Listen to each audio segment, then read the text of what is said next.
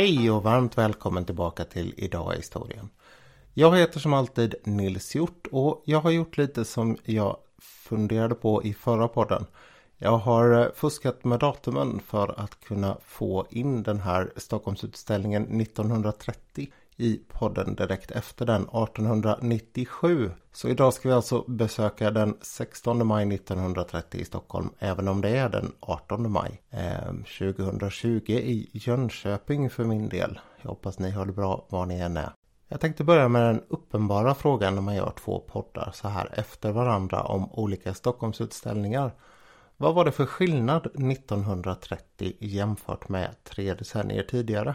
Och det enkla svaret på den frågan är allt. Det var väldigt, väldigt mycket som skilde.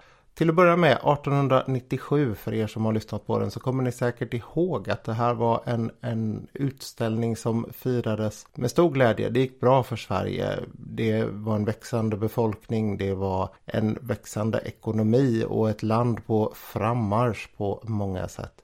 1930 så var inte Sverige det. Det var kris och bekymmer på många olika sätt. Regeringen avgår här precis runt utställningens början och mycket av det som händer i världen vid den här tiden det hänger ju ihop med att det hade varit en stor börskrasch i New York året tidigare. Den svenska ekonomin den har inte klarat sig särskilt mycket bättre även om det är en bit kvar till Krügerkraschen. En femtedel av landets byggarbetare till exempel är arbetslösa trots att man lever i en tid när bostadsfrågan är en av de absolut viktigaste. Folk bor otroligt trångt och i väldigt dålig standard. Och det är någonting som den här utställningen kommer ta fasta på och det var egentligen ingenting man brydde sig något särskilt om 1897. En annan stor fråga som kommer att ta mycket plats efter det här det är befolkningsfrågan. Där kommer den här kända boken Kris i befolkningsfrågan fyra år efter det här. Och även om paret Myrdal som skrev den här boken inte är direkt inblandade i utställningen så är det väldigt många personer runt omkring dem som är det. Arkitekter och folk som jobbar med vetenskap på andra sätt och sådär. Så det finns en linje här emellan och det är egentligen flera. Jag kommer återkomma till det där lite längre fram. Men sen fanns det ju en del andra saker som skilde sig och det var att i ett land som var i kris så gick man på utställning för att se framtiden. Inte som man hade gjort 1897 för att se hur fantastiskt Sverige hade varit, det här gamla Stockholm-utställningen. Och inte heller för att se hur fantastiskt det var just nu som var så viktigt 1897. Nej, den här utställningen den handlade om vad vi skulle kunna göra. Vad nya tekniker skulle kunna leda fram till och på många sätt egentligen hur vi skulle kunna bli bättre, mer presterande och samtidigt mer bekväma människor. Det här var någonting man var rejält intresserad av. Utställningen 1897 de hade ju haft ungefär en och en halv miljon besökare på den i ett Stockholm med 300 000 invånare. 1930 så hade Stockholm en halv miljon invånare. Men på utställningen så kom det hela 4 miljoner människor. Och den hade flyttat för att få ännu mera plats. Den hade flyttat rakt över Djurgårdsbrunnsviken lite mer exakt. Och den låg, om man skulle titta på Stockholm idag, mitt emellan Gärdet och Diplomatstaden. Mer exakt så kan jag säga att den stora huvudrestaurangen på utställningen som hette Paradiset. Den låg där Sjöhistoriska museet ligger idag. Och hela den här utställningen den har påverkat Sjöhistoriska museet ganska mycket. Men det är också någonting som jag kommer återkomma till lite längre fram. Den här terrasseringen som man kan känna av eller den här lilla uppförsbacken som är mot Sjöhistoriska museet idag. Det var just en blomsterterrass under utställningen. En vandrande trädgård som det kallades. Och nedanför den så var det en väldigt stor öppen yta där man hade plats för band som spelade och sådana här saker. Och det var också där som den här väldigt kända höga reklammasten stod. En eh, neonklädd historia på 80 meter. Som i mina ögon är fantastiskt häftig. Den här utställningen var också rejält mycket mer internationell än vad utställningen hade varit 1897. Den hade ju närmast varit en uppvisning av det svenska. Nu så handlar det istället om att man ville visa upp huvudarrangören som då hette Svenska slöjdföreningen. De heter idag Svensk Form. De ville visa upp det moderna konsthantverk som fanns ute i Europa. Och då gällde det främst det här som vi kallar för modernism eller Bauhaus eller sådär. Så man var väldigt tydlig på de här utställningarna som hade varit 1925 i Paris och 1927 i Stuttgart. Kanske var det därför som man redan vid entrén mottogs med ett sånt här stort flaggspel med olika länders flaggor istället för som på utställningen 1897 med massa svenska flaggor. Ett intressant inslag i det där det är också att man räknade med att det skulle komma betydligt fler utlänningar. Och det gjorde det också. Spårvagnspersonalen i Stockholm de fick snabbutbildas i fler språk.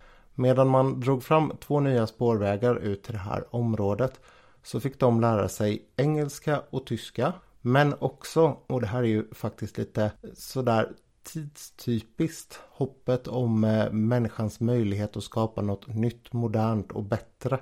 Någonting som är rationellt och eh, ja, gjort från ett eh, blankt papper skulle man kunna säga. Esperanto var ett av språken som de utbildades i. Den här internationalismen den märks också i att det finns samlat pressklipp om vad man tyckte om den här utställningen från mellan 35 och 40 andra länder. Och så mycket var det ju inte 30 år tidigare.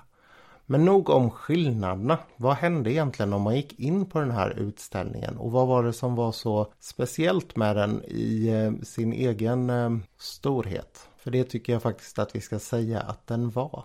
En ordentlig storhet. Det här är arkitekturhistoriskt i Sverige ett eh, väldigt avgörande ögonblick. Man skulle kunna spetsa till det och säga att det finns svensk arkitekturhistoria före och efter Stockholmsutställningen.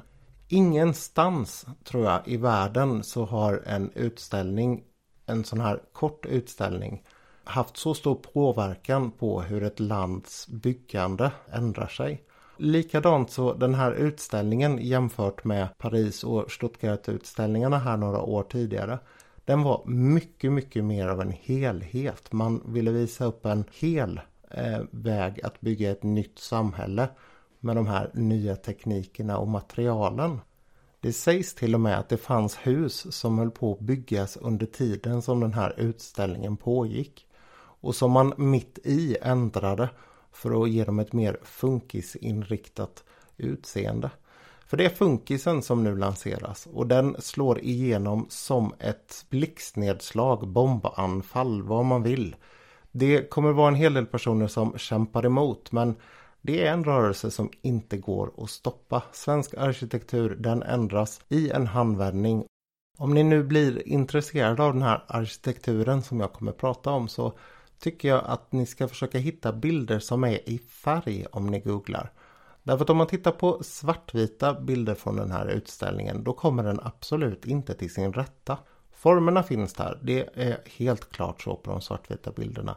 Men man får ingen känsla för hur enormt mycket färg det var på den här utställningen. Det mesta som byggdes, det byggdes i eternit. Lite oväntat kanske.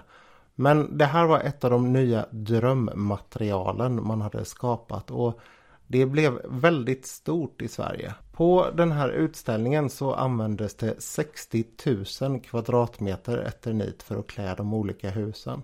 Och man hade ju fortfarande inte lärt sig att det här innehöll asbest och att asbest ihop med rökning gör att man har väldigt mycket större chans att få cancer. Så det eviga materialet, det är därför det heter eternit som i eternity. Det var en av de här stora grejerna som man tryckte på. Andra saker det var plywood och masonit och sen fanns det en hel del saker som var gjord i lättbetong eller gasbetong som var ett lite äldre material. Formerna som man sen skapade med de här materialen de är väldigt moderna fortfarande 90 år efteråt måste jag säga. Om man tittar på restaurang Paradiset så ser den ut som vilken egentligen huvudbyggnad som helst på en svensk högskola eller ett forskningscentrum eller ett kommunhus som är extra påkostat. Det är en väldigt typisk svensk stil för idag, även om Sydsvenskan då skrev att det här är absolut det obehagligaste och mest sanna man kan säga om utställningen. Den var inte svensk. Sverige är inte ett masstillverkningsland. Men det var det de fick acceptera när man lanserade de här materialen och den här arkitekturen. Då blev Sverige ett masstillverkningens land. På ont och gott får man säga. Lite bakom den här stora restaurangen så fanns det ett stort område där man visade upp moderna boenden. Det var allting från lägenheter till radhus och sen villor längst bort. Det finns ett fantastiskt hus där som är gjort av en man som heter Kurt von Schmalensee och som kallades för Gula villan.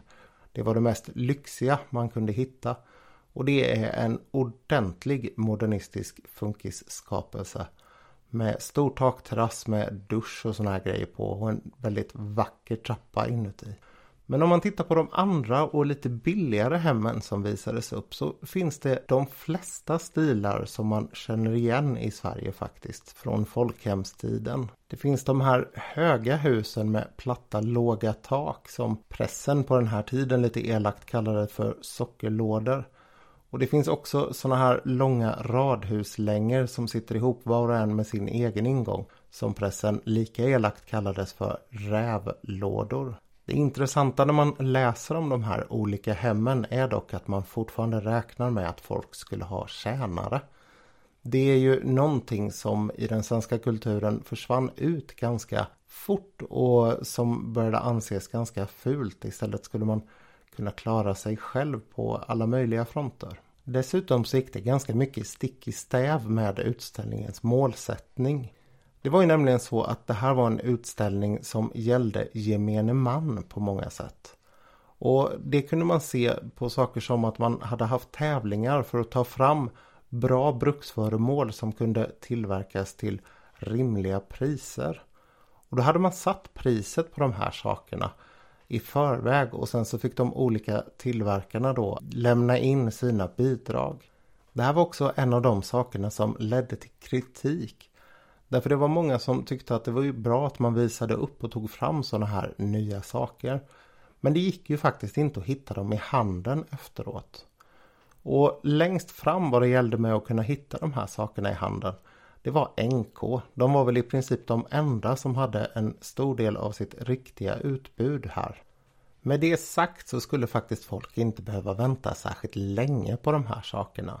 Skulle man titta på bilder från Stockholmsutställningen utan att säga när de är ifrån så skulle nog de flesta gissa på 40, 50 eller kanske till och med tidigt 60-tal. Och det var så långt före som den här arkitekturen och utformningen var.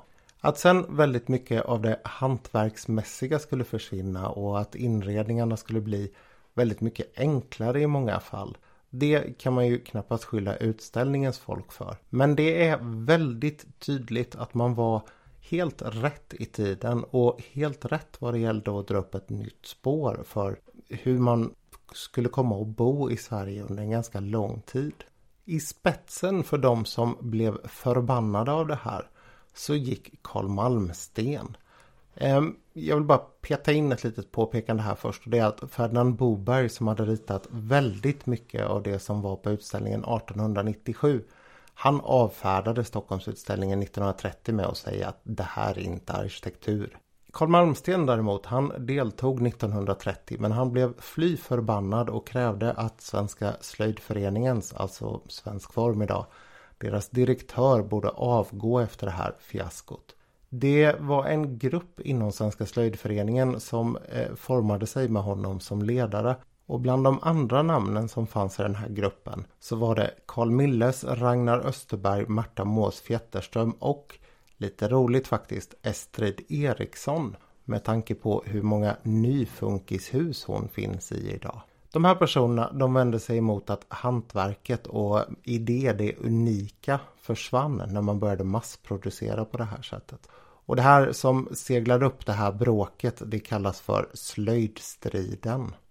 Det skulle komma ett rejält slag tillbaka från den andra och mer radikala sidan. Ett år efter utställningen så tar de mest radikala av arkitekterna och ger ut en bok som heter Acceptera. Och poängen här är ju att man bara ska acceptera att det moderna och funkisen är här. Dessutom så gör man det ganska fräckt. Den här boken har en väldigt modern utformning och man stavar till och med namnet med litet a. De som är representerade här, det kanske är de viktigaste Sven Markelius och eh, Uno Orén. Och Uno Orén, han var ju god vän med paret Myrdal som jag sa tidigare. Och väldigt engagerad i den här tanken att man ska bygga kollektivhus och mödrarna ska jobba, någon annan ska hjälpa till och uppfostra deras barn och sådär. Och det är den här politiska dimensionen som nu kommer in i Stockholmsutställningen. Den hade Gunnar Asplund som hade hand om den stora utformningen försökt hålla borta under själva utställningstiden maj till september 1930. Och det blev ju en stor debatt kring det här. Det var ett helt nytt sätt att utforma både hus och samhälle och där tanken var att förändra människan. Det här sammanfaller ju också med att ett ytterligare ett år senare, 1932, så kommer Socialdemokraterna till makten och håller den nästan oavbrutet i 44 år framöver. Och de var väldigt inköpta i de här idéerna. Det är ju förmodligen därför, eller delvis ska jag säga förmodligen därför som den här arkitekturen och de här grundidéerna får ett så tydligt genomslag i Sverige. Bland de andra som var väldigt eh, engagerade i de här frågorna så fanns HSB och KFAI. Båda två var ungefär fem år gamla och jag tror att HSB vet de flesta vad det är. KFAI det var Kooperativa förbundets arkitektkontor.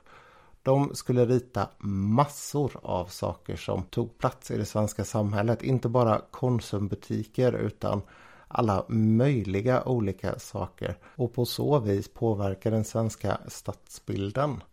Detsamma gäller eh, HSB som väldigt länge drev utvecklingen för svenska bostäder. De var väldigt tydliga med att man ville ha badrum under en tid när man tyckte att badrum inte var någonting som var viktigt. En normal bostad när den här utställningen hölls det var ett rum och kök för en arbetarfamilj där man hade toa och rinnande varmt och kallt vatten i köket men inget eget badrum. HSB skulle under de kommande decennierna se till att man fick både badrum och sopnedkast och tvättstuga i källaren, balkong på utsidan av huset. Innan jag börjar sammanfatta och runda av lite här så vill jag påpeka några roliga nyheter som kom under den här utställningen också. Och det är som jag var inne på när det gällde 1897, varmkorven. Jag hävdar bestämt att varmkorven med bröd, det var en nyhet här. Det finns ganska härliga bilder på det här varmkorvsståndet som fanns. Ni kommer ihåg man fick låna en vit handske istället för korvbröd 1897. Här betalade man 30 öre, fick sin korv i ett bröd och gick sedan iväg och gjorde annat. Kanske den första moderna amerikanska snabbmaten i Sverige. Andra nyheter som kom det var de här Grythyttans älskade trädgårdsmöbler. Det var glasspinnen, en annan älskad och viktig del i sommarkulturen. Swedish Grace-servisen, den presenterades också här. Och den gjorde det under namnet Nationalservisen. Dessutom en lite udda svenskhet i det här.